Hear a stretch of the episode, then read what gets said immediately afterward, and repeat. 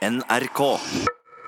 Den utrydningstruede lavarten sørlandsragg gjør at eh, Museum Stavanger ikke får lov til å fjerne store løvtrær som skaper fukt i veggene ved Hulstein kloster. Dette er altså i Rogaland. Eh, det er Norges eneste bevarte middelalderkloster, dette her, og et viktig kulturminne. Men fylkesmannen krever altså at disse trærne med den sjeldne sørlandsraggen, som er en type lav, må få stå i fred. I naturskjønne omgivelser på Mosterøy i Rennesøy ligger Norges eneste bevarte middelalderkloster. Men nå har de hvitkalka veggene til Utstein kloster blitt stadig mer grønne. Man har nettopp kalka en vegg, og noen måneder senere så ser du allerede eh, soppen som begynner å gro, og farger eh, veggene grønne. Sier Marie Therese Foyut, avdelingsdirektør for kulturhistorie i Museum Stavanger, som forvalter det freda klosteret.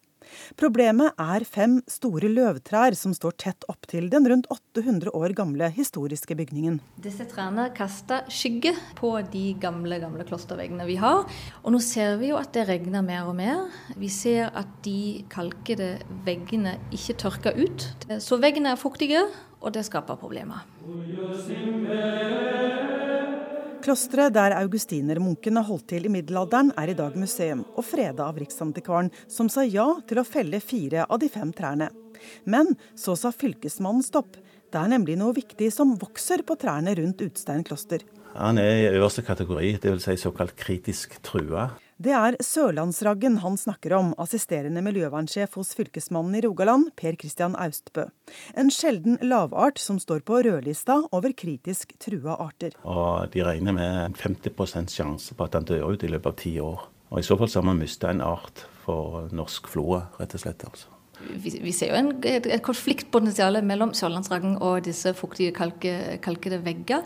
Men dette er jo noe som vi uansett må løse. Vi må lage en skikkelig god forvaltningsplan som tar vare både på naturarven og kulturarven her i regionen. Disse her er sørlandsragg. Det var nærmest tilfeldig at fagfolk hos Fylkesmannen kjente til en rapport fra 1999 som slår fast at det finnes sørlandsragg på tolv trær i Klosterhagen. Faktisk er den sjeldne lavarten bare påvist et annet sted i Norge, og det er ved kongeboligen Ledål i Stavanger. Nå må det gjøres nye undersøkelser på Utstein, sier Austbø. Det er jo en helt annen fokus på å ta vare på slike arter og undersøke naturen i de senere år. Og Stortinget har jo sagt at uh, vi skal stoppe utryddelsen av arter innen 2020. Og vi følger opp det på denne måten, bl.a. Uttynning av trekronene og nyplanting av trær som sørlandsraggen kan vokse på lenger borte fra klosteret, er mulige løsninger, sier Austbø. Det, det, det er ikke quick fix på natur, rett og slett. Altså. Og det er ikke sikkert det skal gjøres heller. Men vi må først og fremst få en statusoversikt. Hvordan, hvordan god er bestanden? Og hvordan skal vi unngå at vi, vi feller trær i vannvare. Både bygningshistorien og det økologiske mangfoldet skal tas vare på. Det er Austbø og Forjutt enige om. Og våre unger skal kunne arve naturrikdommen etter oss, uten at vi har ødelagt noe i vannvare. Planen er å formidle både klosteret og kulturlandskapet og naturarven. Så, så jeg ser egentlig bare muligheter her, altså. Reporter var Anette Johansen Espeland. Så til eh, konflikten i den kristne dagsavisen Vårt Land, for den eh, raser videre. Og nå sier flere abonnenter opp avisene sine. Det vet du mer om, reporter Oddvin Aune? Ja, det er sånn at Mange abonnenter er tydeligvis uh, veldig lite fornøyd med at sjefredaktør Åshild Mathisen ble sagt opp før helga.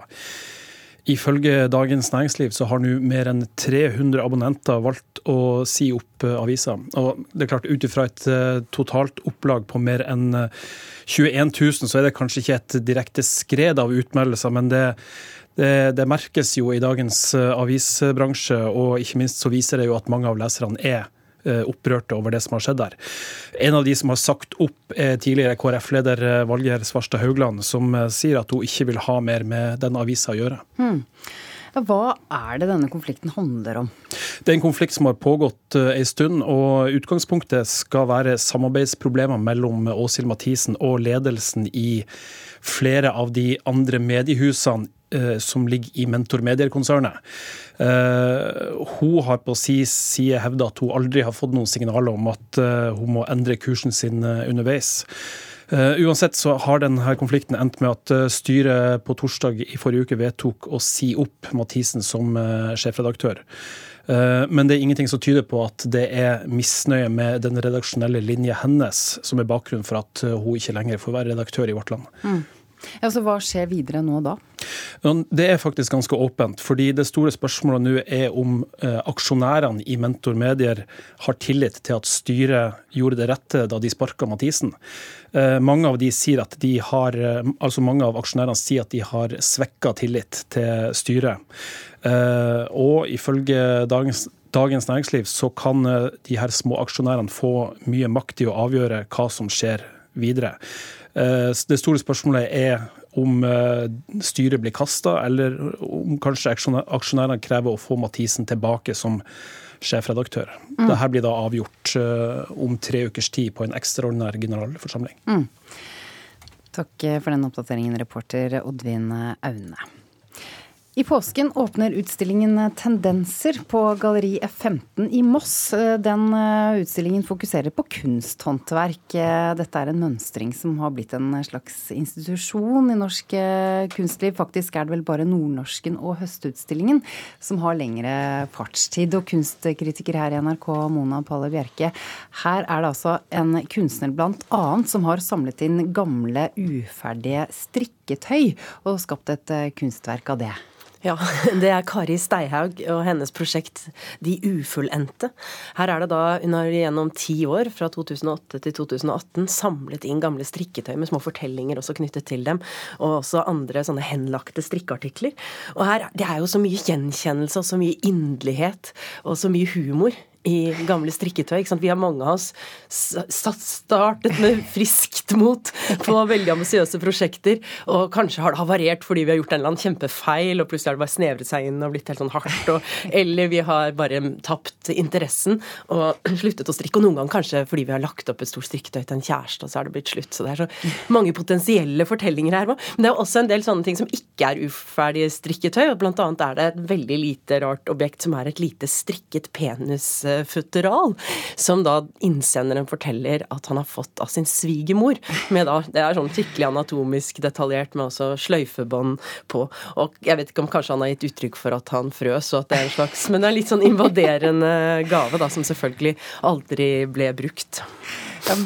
Består verket også av eh, de reelle strikketøyene, da? Eh, nei, og det var litt overraskende. fordi det som ofte kjennetegner eh, Kari Steihaugs prosjekt, er nettopp denne sanseligheten, dette nærværet av tekstilene. Hun jobber jo ofte med strikkede klær som utgangspunkt i sine verk. Og denne gang så er det fotografier av strikketøyene. Og det gjør, gir litt mer avstand, og gjør at vi får liksom ikke så god tilgang til de potensielle fortellingene, de erindringene som alltid ligger i klær, da, og enda mer kanskje strikketøy. Men like fullt et veldig interessant prosjekt. da. Utstillingen heter som du sier 'Give it time'. Eh, hva er det de egentlig da vil uttrykke med denne tittelen? Ja, det syns jeg er en veldig god tittel som tar oss inn i kunsthåndverket på en måte fra mange vinkler på en gang. Dels er det jo en oppfordring, altså invester tid i opplevelsen. Samtidig så peker det på de mytene og forestillingene som knytter seg til kunsthåndverket. Det, det, jo, det er jo tid som er et stikkord her. Det tar tid å skape.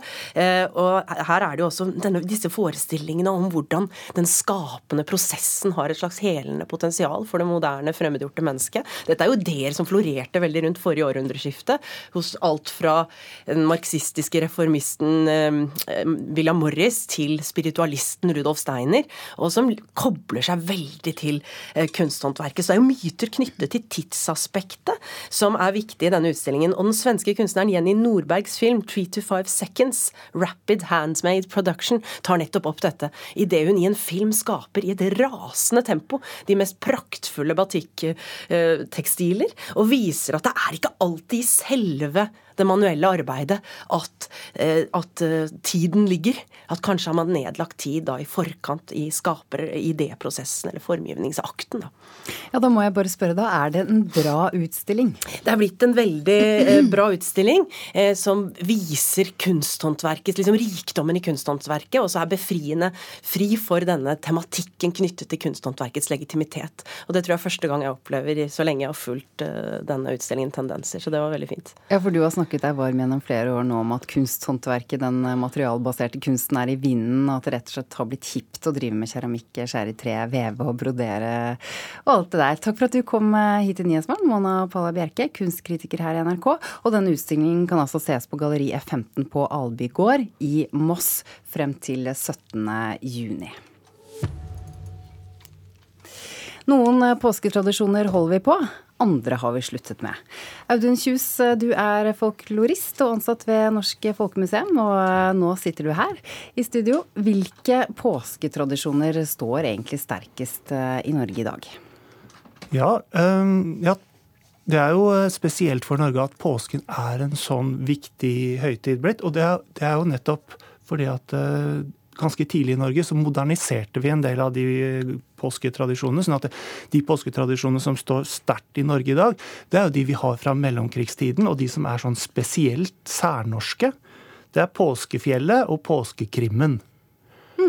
Og, og, det som er litt pussig, er at det, med de fleste sånne kalenderfester og sånn, så er det jo ganske internasjonalt stoff det er snakk om. Det er veldig lite som egentlig er sånn spesielt norsk. Men akkurat når det gjelder påsken, så er vi Det er en litt spesiell situasjon. Da, for at det, både påskefjellet og påskekrimmen er noe som ble funnet på her, og som i grunnen bare fins her. Hm. Ja, hvilke tradisjoner har vi sluttet med? Jo, øh, fordi at i, i den mer sånn tradisjonelle, førmoderne Eh, hva vi kaller kalenderteknologien, så var det påsken. Det var, det var to, to, ting. Det ene er det der med å leve seg veldig inn i det her dødsmysteriet som, som Kristus gikk gjennom i påsken. Den stille uken. Lide med Kristus på langfredag og juble med Kristus på påskemorgen. Den veldig sånn innlevelsen. Og det tok folk veldig på alvor. Man tenker kanskje at det er veldig sånn katolsk og sånn, men det holdt folk på med i, i, i Norge helt opp til påsken ble modernisert og sekularisert og sånn. Sånn at det, dette med liksom, å gjøre tungt arbeid på, på langfredag, mm. og så å være, være, redd for heksene på, på, påske, på påskedagen, og så, så, blir du endelig skikkelig ordentlig frelst og, og reddet da, av Jesus på påskemorgen. sånn Um, men det, det, ligger jo litt sånn, det ligger litt sånn uh, fjernt fra, fra, mange i dag. Mm. Men jeg tenker at den der påskekrimmen den har i grunnen henta med seg noe av det. da. Ok, På hvilken måte? Jo, uh, det blir jo sånn da at den påskeevangel... Ja, det heter ikke evangeliet, den påskehistorien, Kristus' lidelseshistorie, den stille uken og sånn, det var jo en sånn historie om dødens mysterium som folk levde med i den tiden påsken gikk. Mm. Og litt på samme måten som, som, når man da går inn i en påskekrim, så er det en fortelling som, som du lever med i den der eh, samme tida som påsken tar, og så går det ut av den etterpå. Mm. Er det mange som er enig med deg i det, eller? Ja, det vil jeg tro at eh, alle som tenker ordentlig gjennom det, ja. i hvert fall. Ja, det, det, det høres logisk ut. Men... Og det er egentlig også noe som vi har henta opp med oss. Er, antageligvis er det påvirka av den engelske tradisjonen med julegrøssere, mm. som er sånn litt, av, litt av det samme. Da. Mm. Men du, hva med eh, påskeegget da, og påskeharen? Eh, hvorfor assosierer vi det med påsken fortsatt her i Norge? Ja, i Norge er jo dette nytt. Det er jo ikke så veldig fortsatt akkurat det i Norge.